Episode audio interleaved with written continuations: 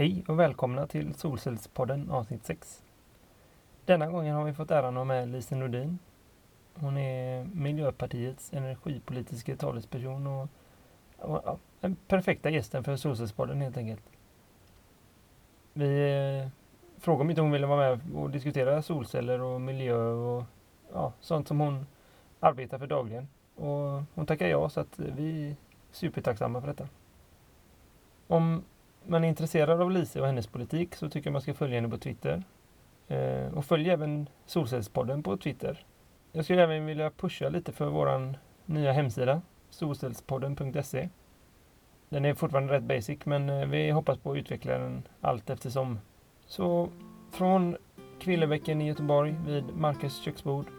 Här är Solcellspodden avsnitt 6 med Lise Nordin.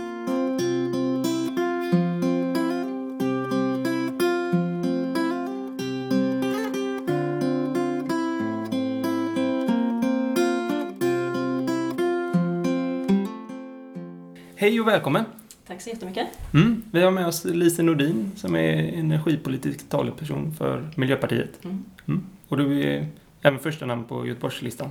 Mm, I valet i höst, ja. Ja. Roligt att du vill komma. Jättekul att vara här. Ja, det är väldigt spännande tycker jag också. Eh, jag tänkte börja med en eh, fråga lite kring, vi har förstått att eh, vi har läst på lite grann. Mm. Och miljö och statsvetenskap Ja. var något du läste. Mm. Hur, hur kommer det sig att du hamnade och började läsa detta? Mm. Mitt miljöintresse började när jag var 17 och bodde i Ulricehamn och fick sommarjobb i en eh, butik som säljer rättvisemärkt och ekologiskt. Och då började jag få insikten om att vilka val jag gör i min vardag, exempelvis vilken mat jag köper, påverkar miljö och människor i andra delar av världen. Eh, och eh, sen kände jag att jag ville lära mig mer om miljöfrågorna. Då var jag engagerad i, eh, i bland annat Naturskyddsföreningen. Så jag hade ett, ett miljöintresse som var ganska generellt sådär. Men kände att jag vill lära mig mer om miljöfrågorna. Så att då hittade jag den här utbildningen som ligger på Göteborgs universitet som kombinerar miljövetenskap och statsvetenskap. Och det passar mig väldigt bra för att mitt miljöintresse är inte så, vad ska vi kalla det, naturvetenskapligt. Jag har inte så bra koll på vad fåglar heter men jag är mer intresserad av hur samhället kan, kan styras mot ett hållbart. Så då gillade jag kombinationen av, av att läsa samhällsvetenskaplig inriktning i miljöfrågorna. Så att jag pluggade bland annat kurser i eh, miljöpolitik, eh, liksom vilka globala miljöavtal som finns och hur de styr. Och jag läste kurser i miljöpsykologi som handlar om eh, vad är det som påverkar människors beteende. Hur ska vi få människor att, att välja att leva mer miljövänligt? Då, det handlar om hur, eh, hur normer påverkar eller ekonomiska styrmedel och sådär. Sånt är ju väldigt intressant. Vi läste ju en kurs om en livscykelanalyskurs Mhm. där man talade mycket om eh, Precis, livscykeln för produkter och olika energislag och det här med cradle to grave och hela Mm. det här konceptet med att eh, det var roligt faktiskt att få in det i vår utbildning. Mm. Även om det är elektroteknik, ganska tekniskt, men där kom det in lite mer, tänker lite bredare. Mm. Så att, eh, ja, det är spännande delar och det är väldigt viktiga delar. Mm. Där talar de lite om de olika miljömärkningarna. Hur, det är ju en jättedjungel där med... Mm. Eko, det är ju inte bara ekologiskt utan det är ju kravmärkt och det är ja, allt möjligt liksom. Så att, eh, och då hade vi någon som talade om, om hur, hur man ska välja liksom. Vad, vad det är berättigat att betala mer för och så. Det, nej, det var väldigt intressant. Mm. Det är svårt att veta ibland också vilka miljömärkningar som faktiskt, vissa skapas ju av alltså, företagen själva eller går ihop och skapar för att det är väldigt praktiskt för dem att gå ut med det. Mm. Så att det är en djungel. Hur, Mm. Alltså, vidare till nästa fråga här. Hur, hur är det för dig som miljöpartist och alltså, i offentlig person och sånt? Mm. Alltså, hur, hur hanterar du ditt miljösamvete och, Mm. och sådana grejer? Du har ju allas ögon Mm. på dig Ja, så att säga. Eh, Som miljöpartist så är ju det ganska hårda krav om att leva som alla är. Vi blir Mm. ganska hårt granskade. Det finns ju inget roligare för en journalist än att hitta en miljöpartist som har en gammal skruttbil på gården exempelvis. Eh, Så det är något som jag förstås är medveten om. Sen har jag ju alltid varit liksom miljöengagerad så för mig har det kommit sig ganska naturligt. Inte bara så att jag började leva miljövänligt för att jag blev riksdagsledamot men eh, jag eh, slutade äta kött eh, för ett tiotal år sedan av, av miljöskäl.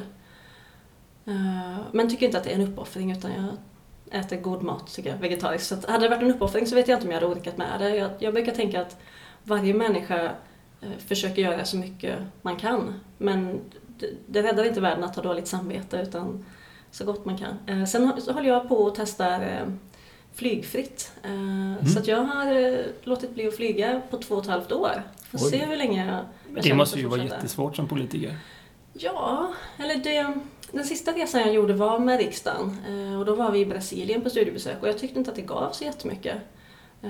I förhållande till både miljöpåverkan och hur mycket tid det tog så kände jag att ah, jag tror att jag gör större nytta som riksdagsledamot och prioriterar min tid med, med studiebesök hos företag i Sverige och träffa forskare här. För att energipolitiken är ju också... Jag, jag, som energipolitisk talesperson är jag ansvarig för politiken i Sverige. Så att jag tycker att det mesta av det jag behöver lära mig finns här. Sen privat så har jag åkt tåg ganska mycket. Så jag har varit eh, i, i Spanien bland annat eh, på, på semester. Dit åkte jag med tåg. Jag tycker om att åka tåg. Sen tycker jag att det är jäkligt roligt att få utmana normerna lite med att åka tåg. Så att eh, riksdagsförvaltningen var tvungna att ta fram nya rutiner när jag skulle åka på språkresa till England. Då fanns det bara ett formulär där man fick fylla i vilken tid man ville ha sin flygavgång. Och jag fick skriva Ja. i marginalen att jag skulle vilja åka tåg. Och då fick de ändra hela rutinerna så att man också skulle kunna få åka tåg utomlands som riksdagsledamot. Så att nu känner jag att jag har banat lite väg om det är fler som vill testa att åka tåg och båt nästa gång.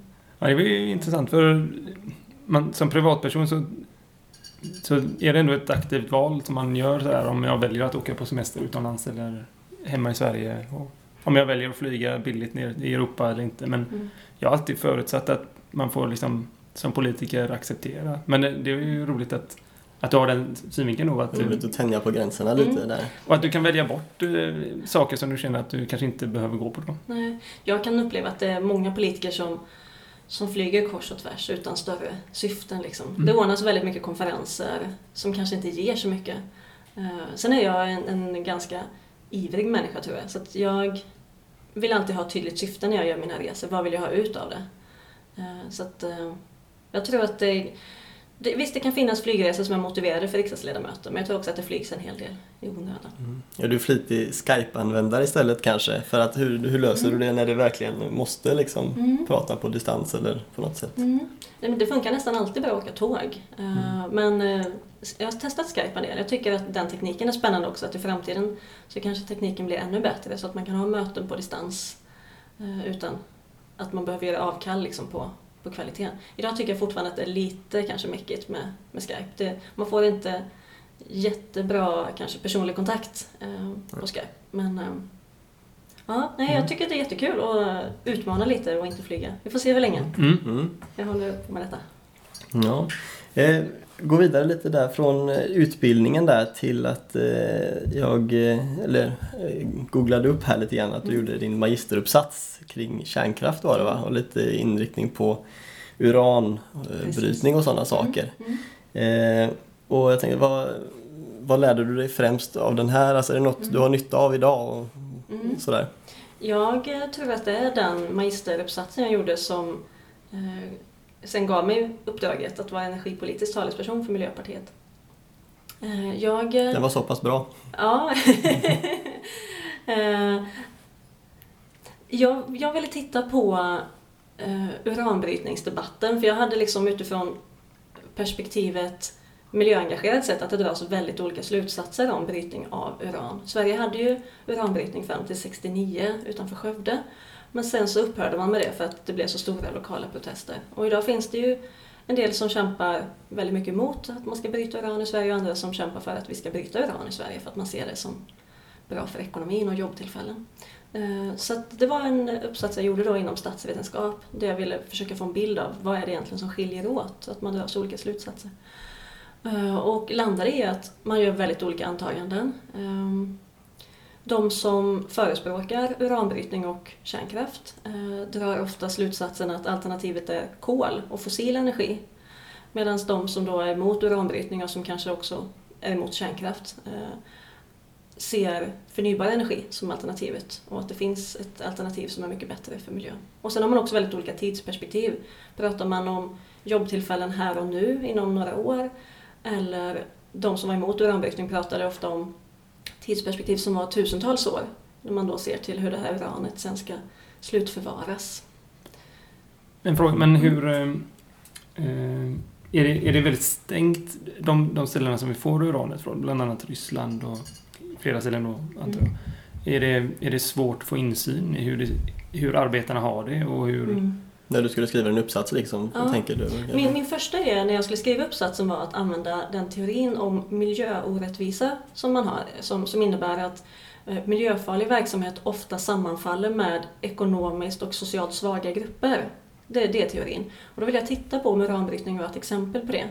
Så att jag började leta då efter var i världen bryts det uran? Och vad finns det för förutsättningar och förhållanden för de människor som bor i de områden? Men det fanns inte tillräckligt mycket empiri eh, kring, kring de, de områden i världen där man bryter uran, så jag fick släppa den idén. Men, men jag tyckte att det var väldigt tydligt ändå att de ställen i världen där man bryter uran bor det ekonomiskt och socialt svaga grupper. Eh, Det bryts ju en hel del i Australien, som visserligen är ett rikt land, men det är bara områden där det bor aboriginer där man bryter.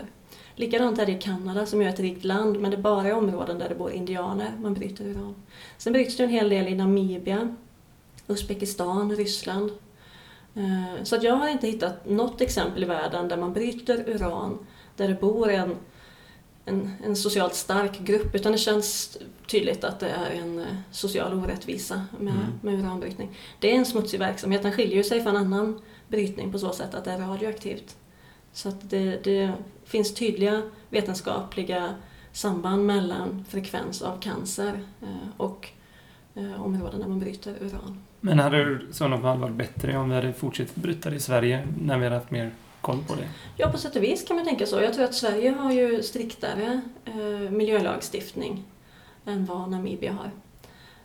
Men för oss som inte vill ha någon, någon kärnkraft Mm. så behöver man inte hantera det dilemmat med uranbrytning. Men jag kan tycka att partier som exempelvis Folkpartiet som, som vill ha mer kärnkraft i Sverige har ansvar att svara på varifrån man vill att det uranet ska komma. Mm. Varifrån kommer uranet som Sverige använder i reaktorerna idag Mm. främst?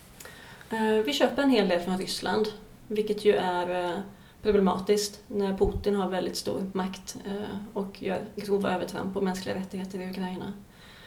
Eh, Sverige köper också en hel del ifrån Australien, eh, en del från Namibia och Uzbekistan. Eh, Så att jag skulle gärna se att Sverige kunde slippa och vara, vara medskyldig Ja, till de inte- sociala konsekvenser som uranbrytningen leder till i olika delar av världen. Ja, det är inte så snyggt kanske, att man själv inte vill ta i det.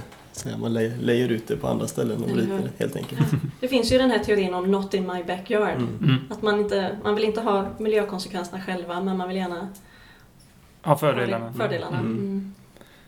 Mm. Eh, om, man, om man går in på lite kontraster då till kärnkraft förnyelsebart. Så eh, vi, vi eh, har ju mycket fokus på solceller här i Mm. vår podcast. Och senaste debatterna i riksdagen, eller i alla fall när det, det var inte så länge sedan jag hade en debatt om eh, nettodebitering till exempel. Just det.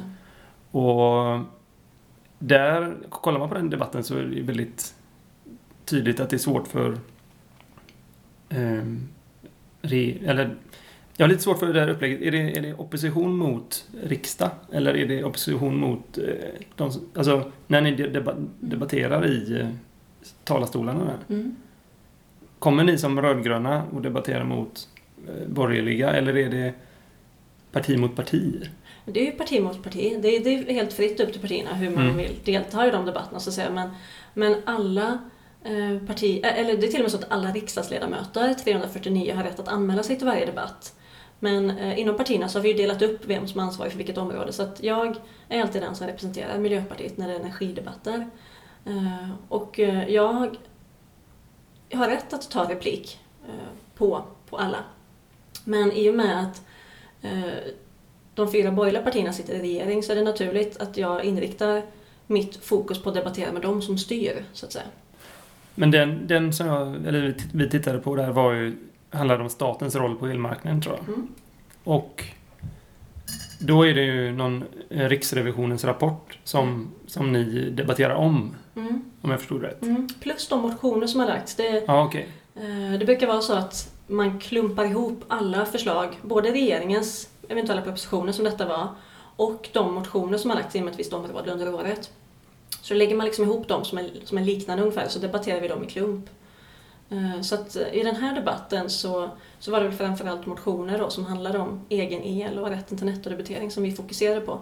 Men det är också upp till partierna vad man vill prioritera. Av hela den klumpen ärenden som vi har rätt att debattera så blir det kanske fokus på det som också är tydligast skiljelinje med regeringen. Och i detta fallet var det ju då att regeringen säger nej till nettodebitering och Miljöpartiet, Socialdemokraterna och Vänsterpartiet valde att göra, skriva ihop oss om ett gemensamt förslag som vi ställde mot regeringens skattereduktion. Så att eh, riksdagens alla ledamöter fick sedan rösta mellan de här två eh, förslagen.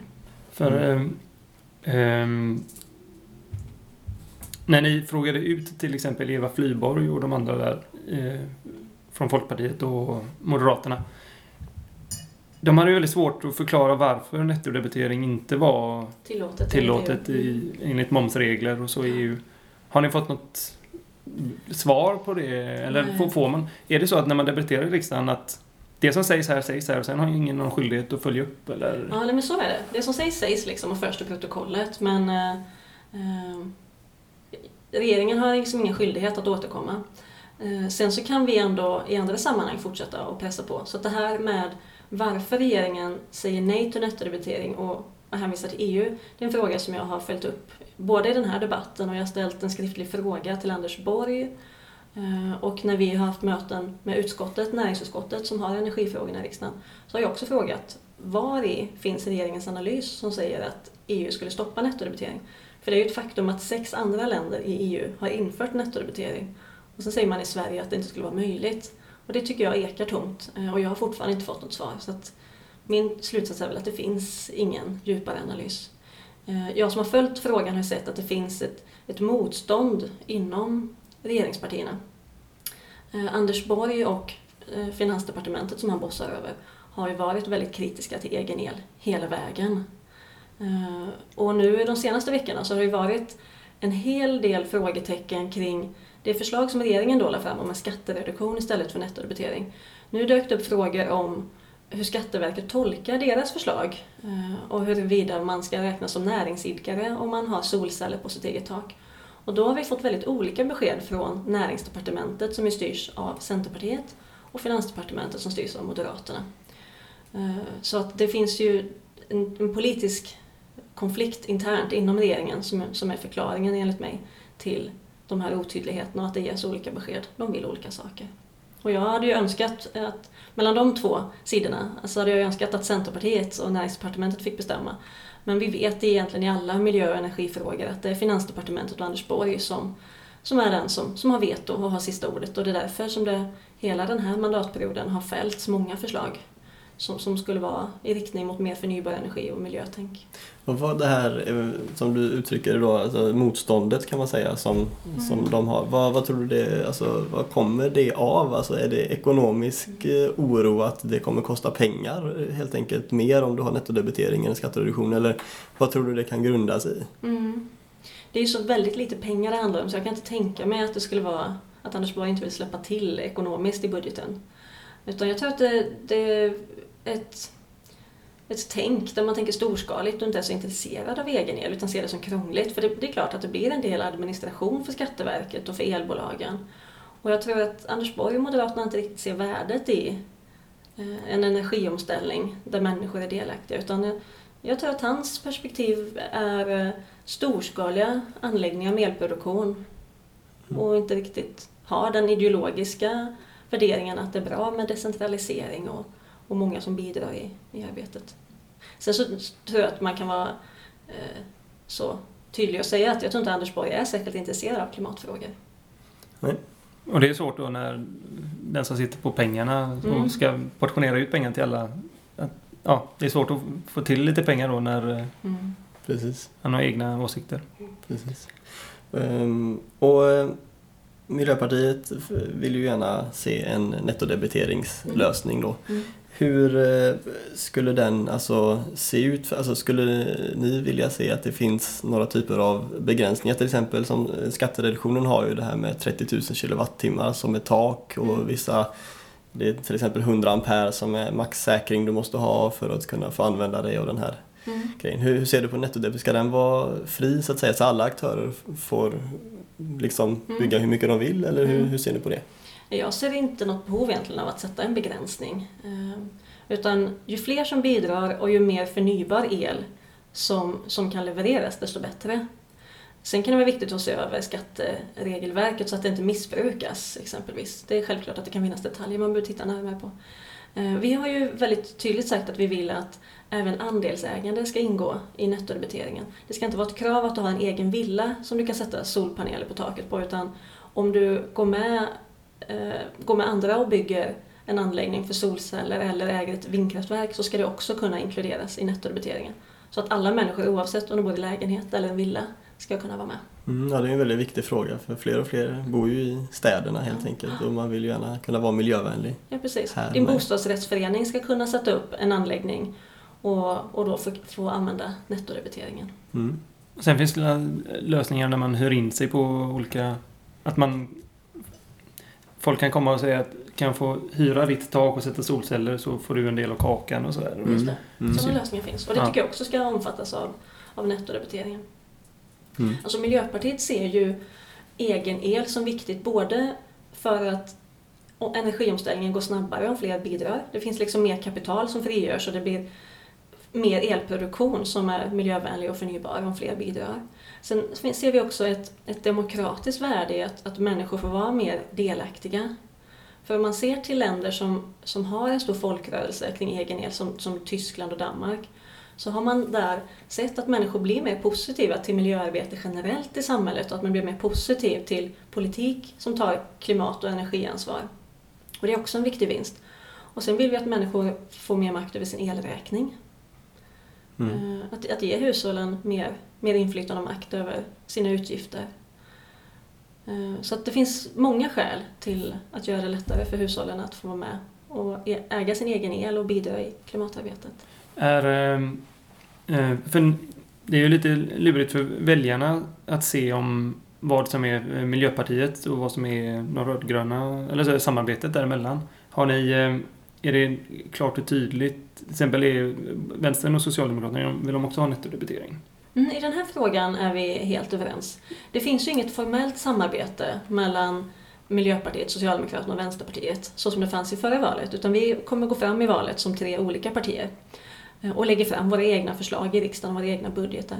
Däremot i vissa frågor så ser vi att vi har lagt liknande motioner, liknande förslag och då väljer vi ofta att skriva ihop oss. Och så var det med nettodebiteringen. Alla våra tre partier hade lagt egna motioner om att nettodebitering ska införas. Och då när vi sen kommer till utskottet och ska behandla alla förslag som har lagts så ser vi att aha, vi har väldigt liknande förslag. Och då skriver vi ihop oss i det som kallas en gemensam reservation. Och det är då den som, som riksdagen sen får rösta om, ja eller nej till det gemensamma förslaget. Vilka, vilka energifrågor är det ni skiljer er åt mest då? Eh, det är väldigt många där, där vi har gemensam syn. Eh, både kring målet att minska energianvändningen har vi nyligen haft en gemensam skrivning om och det var ju nettodebiteringen.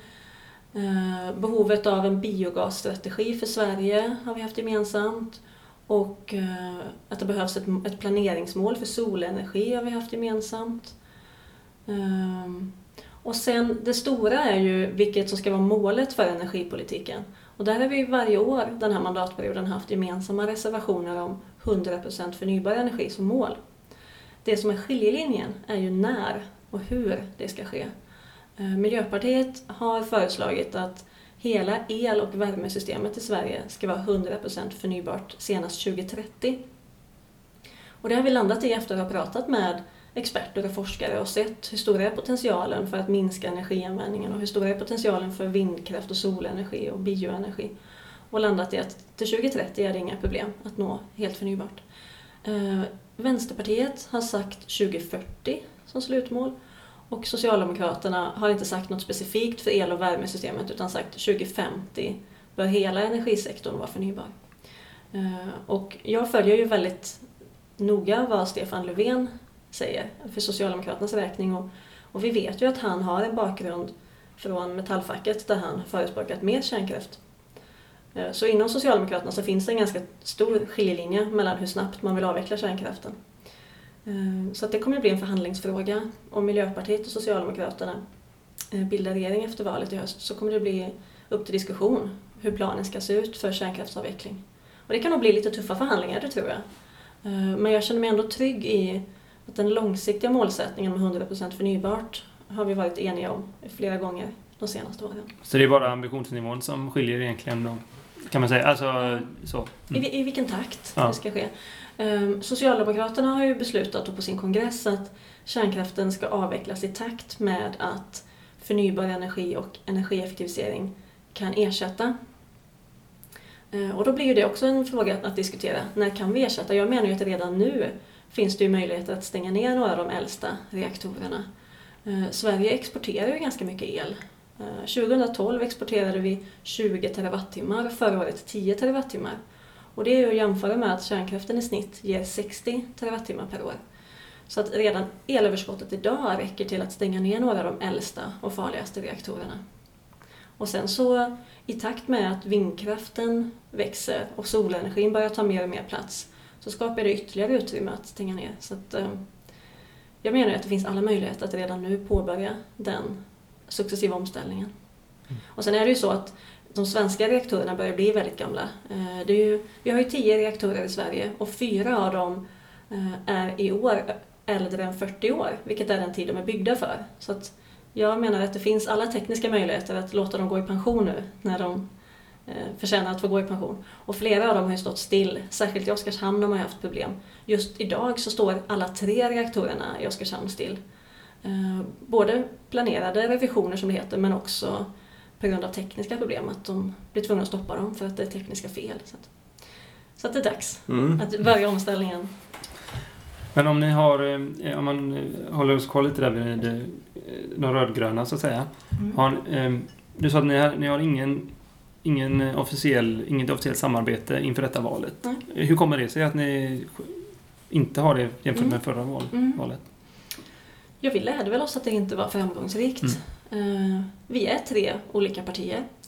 Eh, och när man kompromissar politiken så blir det ju mindre utrymme för varje parti att, att presentera sina egna förslag. Det blir ju mer någon sorts mittemellan lagom. Det blir ju alltid konsekvensen mm. av en sån kompromiss. Eh, och i och med att vi inte fick väljarnas förtroende när vi hade ett formellt presenterat samarbete innan så, så känner vi nu att nej, men nu, nu tror vi att det är bättre att vi presenterar våra olika förslag. Ehm, så nu kan jag, när jag presenterar Miljöpartiet, tala för vad vi vill helt och hållet när vi bestämmer. Sen blir det upp till väljarna eh, att avgöra vilket parti man tycker har eh, bäst politik. Och sen beroende på styrkeförhållandena mellan partierna så får man ju olika mycket att vinna i förhandlingarna så att säga. På sätt och vis kan jag tycka att det känns mer demokratiskt. För att om, om vi hade haft ett formellt samarbete där politiken redan var klar så skulle det inte spelat någon roll om väljarna röstade på Miljöpartiet eller Socialdemokraterna. Utan nu inför höstens val så innebär det att om fler röstar på Miljöpartiet, om vi får 12 procent, vilket vi haft i några opinionsmätningar, då får vi mer igenom så att säga när vi förhandlar med de andra partierna. Väljarnas röst spelar större roll när politiken inte är färdigförhandlad i förväg. Och där kan man ju se eh, till exempel det här uttalandet som Göran Greider, socialdemokraten, eh, han skrev väl för Dala Demokraten. Mm. Ja. Han sa ju att eh, en röst på Fi är en bortkastad röst för att mm. om man är på vänsterflanken så måste man ju rösta för Socialdemokraterna för att, eh, för att vänsterflanken ska vinna helt enkelt. Mm. Eh, är det, alltså, kan man dra samma resonemang? Att, att om, man, om man röstar på Miljöpartiet, säg att man, man eh, verkligen vill ha eh, säg att man vill, vill, vill ha mer förnyelsebart och så här. Men till exempel jag kanske känner mer för mer vänsterfrågor. Mm. Eh, är det, finns det en risk att ni glider över åt höger till exempel? Att, att ni och jag vet inte, Centern kanske mm. närmast åt det hållet då? Mm. Att ni skapar ett samarbete där istället? Mm. Eh, vi har ju sagt från Miljöpartiets sida att vi ser Socialdemokraterna som vårt förstahandsalternativ och att vi vill se Stefan Löfven som statsminister. Han är vår kandidat som statsminister. Så vi kommer eh, börja förhandla med Socialdemokraterna. Sen är väl den, den stora frågan, eller den som vi, vi ser kan hända, det är om Socialdemokraterna och Miljöpartiet inte får 50 procent, utan det behövs någon mer, eh, så behöver vi samtala med ytterligare ett parti. Och då har, har vi inte bestämt vilket parti det kan bli, utan då är det öppet. Eh, det skulle kunna bli Vänsterpartiet eller Centerpartiet eller kanske Fi, om de kommer över 4 procent då. Eh, och då blir det förstås samtal om var man får igenom mest politik. Men när Miljöpartiet kommer samarbeta, eller förhandla då med Socialdemokraterna, så kommer vi gå in i de förhandlingarna med en lista med politiska förslag vi vill genomföra.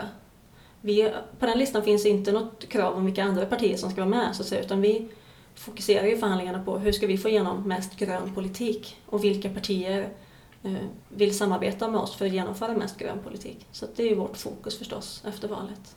Och ministerposter, är det någonting som ni kräver om ni ska samarbeta? Så att säga? Absolut, Ja. men det är det. Eh, Sitter vi i regering så sitter vi i Mm. regering på likvärdiga, eh, eller på lika villkor. Och då är det givet att, att vi har ministerposter. Mm. Jag flänger tillbaks lite in i solcellsvärlden Mm, här. Den här målbilden ni hade här 2030 Mm. med 100% förnybart. Vad, hur ser eh, tanken ut kring fördelningen av de energislagen? Eh, Hur stor del har solceller tror du i, i Mm. den Mm. bilden? Eh, Vi har valt att inte presentera något exakt förslag för att vi tror att det skulle vara att föregå marknadskrafterna så att säga. Tekniken utvecklas bäst utan att vi politiskt detaljstyr. Eh, Men vi tittar ju förstås på potential för olika energislag och eh, om man då räknar med kärnkraften som ger ungefär 60 terawattimmar så, så bedömer vi att energieffektivisering är det allra bästa, eh, det första steget. Mm. Eh, Det gjordes ju en statlig utredning 2009 som heter Energieffektiviseringsutredningen som sa att Sverige skulle kunna spara 35 terawattimmar med befintlig teknik och lönsamma åtgärder.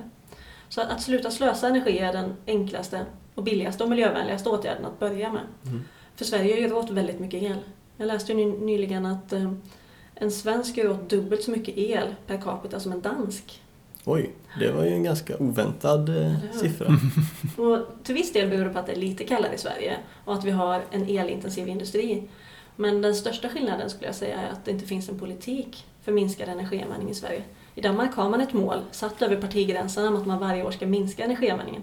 Även när ekonomin växer så ska man med smartare teknik som utvecklas kunna minska den totala energianvändningen. Vad har man gjort då i Danmark? Alltså de här åtgärderna som uppenbarligen har Mm. fungerat bra. Jag har inte kollat så noga på det. Det är ganska mycket industriåtgärder vet jag. Mm. Och sen är det mycket isolering i bebyggelsen. Och de har lyckats väldigt väl att minska sin energianvändning. Jag, jag kollade på den här eh, 100% bonde på SVT igår. Jaha. Och han hade ju, han förespråkade ju halmtak. Så Jaha. kanske det är det som är grejen då. Ja, kanske det isolerar väl eller något. Ja, jag vet inte om det var bra eller inte, men han tyckte det var bra. Ja. Den näst viktigaste pusselbiten då när, när jag tittar på, på volym, det är vindkraften. ehm, Som ju är så tekniskt utvecklad redan och byggs väldigt snabbt. Eh, Det finns ett mål som alla partier i riksdagen står bakom, förutom Sverigedemokraterna, om att vindkraften ska ge 30 terawattimmar till 2020. Så redan där, då hade vi energieffektivisering med 35 terawatt och vindkraft 30 terawatt. Bara de två är ju redan mer än, än kärnkraften. Sen solenergin är jättespännande för att den utvecklas så snabbt. Eh, Idag levererar den ju väldigt lite el i Sverige, än så länge. Men vi, vi måste vara medvetna om att utvecklingen går fantastiskt fort så att eh, det gäller att vara beredd, tänker jag, när, när tekniken kommer. Eh, och jag ser ju att det finns många länder som är föregångare. I världen är det ju solenergi som byggs ut snabbast Mm. i procent. Eh, och då har vi tittat på det förslag som branschorganisationen för solenergi, Svensk Solenergi, har lagt eh, om 4 terawattimmar solel och 4 terawattimmar solvärme till 2020. Mm. Så det är det förslag som vi har lagt i riksdagen. Eh, Men jag tror att solenergin på riktigt kommer börja växa efter 2020. Nu är vi på startsträckan. Eh, så på sikt tror jag att sol kan vara en av de största och viktigaste energikällorna i Sverige. Men tekniken är fortfarande lite dyr. Eh, och sen så behöver vi både med vindkraften och solenergin vara vaksamma på vad det är för material som används så att vi inte biter oss i svansen och att man använder eh, material som är dåliga för miljön. Det finns ju en diskussion både kring vindkraft och sol att vissa sällsynta jordartsmetaller har stor miljöpåverkan. Så att vi ska se till att tekniken utvecklas på miljöbästa sätt och med miljöbästa materialval. Du pratade om det här med energieffektivisering och det hade ni också debatt om. Det var den sista, senaste debatten sa du. Eh, och där pratade ni om vita certifikat. Ja. Vad kan du skulle du kunna förklara? Mm. Eh, Det är ett system som innebär att man ger ansvar för att energieffektivisering ska ske. Eh, det funkar lite då som, som gröna elcertifikat, att man låter marknaden eh, få, få styra mot de mest energieffektiva eller de billigaste åtgärderna. Eh, och vita certifikat är något man har haft i många länder i EU. Man ger eh, elbolagen ett ansvar för att hjälpa sina kunder att minska energianvändningen. Och då måste de kunna redovisa att de minskar en viss procent eh, motsvarande ja, det som, som sätts som det politiska målet. Eh, och om, om det företaget själva inte kan göra åtgärderna, eller vill göra åtgärderna, så kan de köpa då vita certifikat från en annan aktör som gör det. Så att man låter marknaden helt enkelt eh, leverera energieffektivisering. Och sen är det upp till marknadens olika parter vem som vill göra det på bästa sätt och då kan sälja eh, certifikat som visar att man har energieffektiviserat. Så om, om jag effektiviserar och sätter lågenergilampor i min industri och ja, mm. så här förminskar elförbrukning och allting så får jag sådana här certifikat som jag sen kan sälja. Och då kan du sälja dem till ett elbolag som måste redovisa till, till staten att de har köpt sådana här certifikat eller energieffektiviserat i förhållande till hur mycket el de säljer. Lite som omvända utsläppsrätter då? Ja, just det. Ja. Man kan tjäna pengar på att göra åtgärder, ja. så säljer man dem till, till elbolagen som måste redovisa att de har sett till att det har hänt. Och vill ni ha sådana här? Ja, ja. Eh, vi vill ha vita certifikat i Sverige. Eh, och det var ett av de förslagen där vi också fick stöd från Socialdemokraterna och Vänsterpartiet. Det som är olyckligt är att Energimyndigheten har gjort en utredning om de här vita certifikaten och då fick de uppdraget att analysera med dagens politiska mål, behöver Sverige vita certifikat? Och då landade de i slutsatsen att nej, det behövs inte. Eh, och då har regeringen använt det som ursäkt att säga, för att säga att vita certifikat i sig skulle vara dåligt.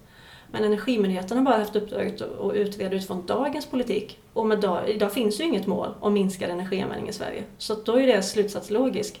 Men om man istället skulle utreda om vita certifikat kan fungera bra för att minska energianvändningen i Sverige, då är jag säker på att man skulle komma till ett annat resultat. Och EU har ju nu lagt ett energieffektiviseringsdirektiv, ett uppdrag till alla medlemsländer att ta tag i en politik för minskad energianvändning.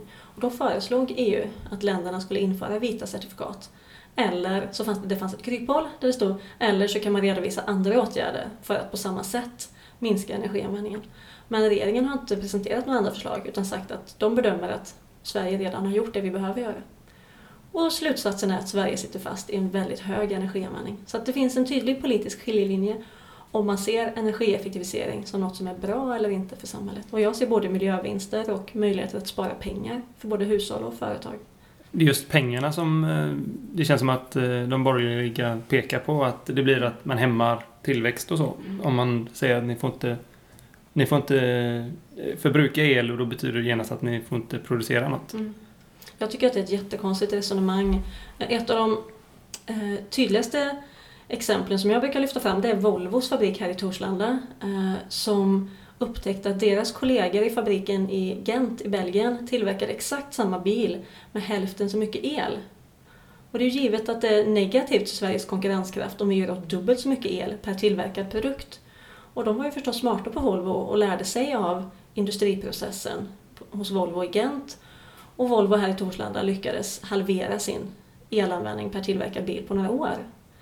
Så jag tycker att det är tvärtom en väldigt viktig del i att stärka Sveriges konkurrenskraft. Att vi har en politik för energieffektivisering. Ja, verkligen. Och sen så att det finns ju jobb att tjäna också. Alltså det finns mycket jobb som kan, som kan hamna i den branschen Absolut. också. Alla de människorna som ska göra den här energieffektiviseringen. Ja. Det är viktiga, gröna jobb. Mm. Ja. Eh, en ytterligare fråga. Eh, när det var, har varit lite debatt nu eh, det senaste, det här programmet Klotet har mm. varit igång med en debatt kring eh, det här med, eh, man tog upp i alla fall, att det finns viss lobbyism och så vidare kring, kring det. Så de här starka bolag som, har, som tjänar pengar på icke förnybara energikällor. Mm. Mm. Eh, hur, hur ser det ut, alltså vad är din bild inom mm. politiken? Alltså, är det mycket krafter som verkar åt, åt, som, som jobbar emot så att säga? Eh, och hur jobbigt är detta eller är det ett stort problem? Ja, eh, det är inte, den är inte alltid så synlig den lobbyismen. Eh, men det blev ju uppmärksammat Eh, förra året eh, att Vattenfall, vårt statliga bolag, var med i en lobbygrupp i EU som kallas Magrittgruppen. som lobbade på, inom EU att man inte skulle eh, tillåta subventioner av förnybar energi. Och det är ju väldigt allvarligt. Jag frågade ansvarig minister i alliansregeringen hur de såg på att vårt bolag Vattenfall faktiskt inom EU är med och lobbar mot förnybar energi. Och fick inga riktigt bra svar på det. Men det tycker jag är fullständigt oacceptabelt. Eh, men det, det kanske är naturligt att det blir så att de stora bolagen som idag sitter fast med stora investeringar i kolkraft och kärnkraft känner sig hotade av förnybar energi. Eh, och de har ju väldigt stora ekonomiska muskler, eh, absolut. Och det är ju ytterligare ett skäl till, till varför vi måste ställa om vårt gemensamma bolag Vattenfall att satsa på förnybar energi istället så att de inte blir en bromskloss utan istället är med och driver på för för den förnybara energin. Mm. Så att absolut äh, finns det lobbying. Ähm. Hur ska man jobba mot denna då? Eller mm. hur? Eh? Skicka in lobbyister åt andra håll. Ja, precis. Ja, ja, jo, men delvis så. Äh, men jag skulle säga att de, de som är engagerade i förnybar energi och lobbar för förnybar energi, de har inte lika ofta de ekonomiska musklerna för det. Men, men i mitt jobb som, som energipolitisk talesperson för Miljöpartiet så försöker jag aktivt att att styra mitt schema och vilka jag träffar efter vilka jag bedömer är de som jag vill lyssna på så att säga.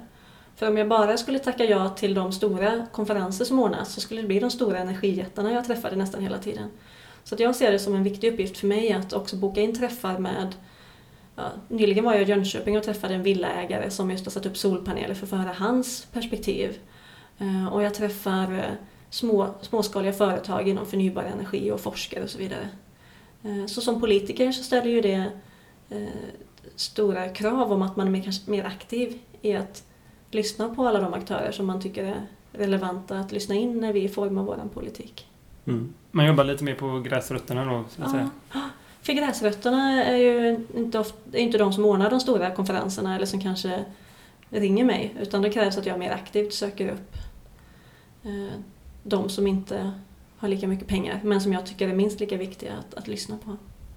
Om vi håller oss kvar i EU då. Hur, hur vill du att eh, utbyggnaden mot Europa i allmänhet ska se ut? Om man skulle se det här problemet med att eh, Ryssland eh, förser stora delar av Europa med energi och mm. kan dra åt kranen när som helst till Östeuropa. Mm. En förnyelsebar, ett förnyelsebart Europa skulle ju motverka det. Mm. Eller i alla fall inte ge Putin lika stor makt. Nej, nej, precis. Hur, vad behöver vi för åtgärder för att det ska funka med distribution och så? Mm.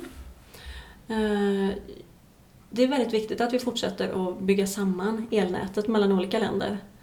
Uh, och det är ju också det är både viktigt för att minska den energipolitiska makten som, som skurkstater har. Uh, men också för att det underlättar för Eh, Eh, för ett förnybart elsystem. Man, man skulle lite förenklat kunna säga att det blåser alltid någonstans. Så att ju större nät vi har ihopbyggt desto mer eh, jämna eh, elleveranser får vi från väderberoende energi som sol och vind. Eh, och sen är det också ett sätt kanske att, att hjälpa de, de, länder som ännu inte har kommit så långt i sin omställning. Sverige ligger ju ändå långt fram vad gäller andel förnybar energi.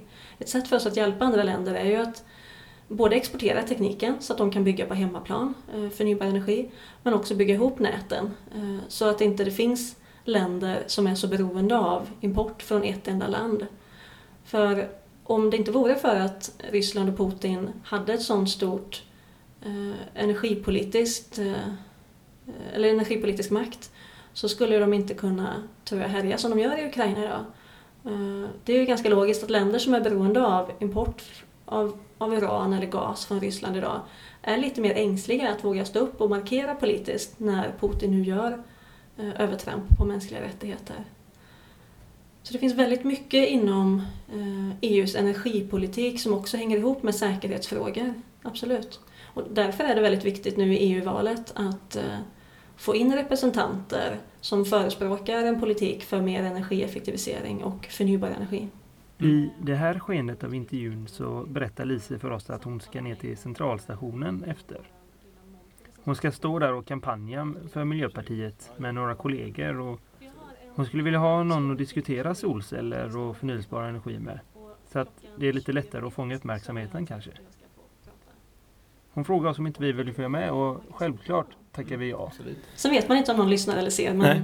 några. Ja. Ja. visst, men det är väl så man jobbar som Ja. sagt. Gräsrötterna. Precis. Ehm, ja, ja, men just det här med gräsrötterna tycker jag är lite roligt. När man följer dig på Twitter så, så du, det känns som att du nästan varje gång eh, twittrar upp någonting. Du är, nu är jag här och nu är jag här. Mm. Eh, på olika solcellsanläggningar och olika företagare. Mm. Och det var någon grupp med, med bara tjejer som ville prata politik. Mm. Är det, är det det du tycker är roligt med politiken? Mm, det är fantastiskt roligt. Är det.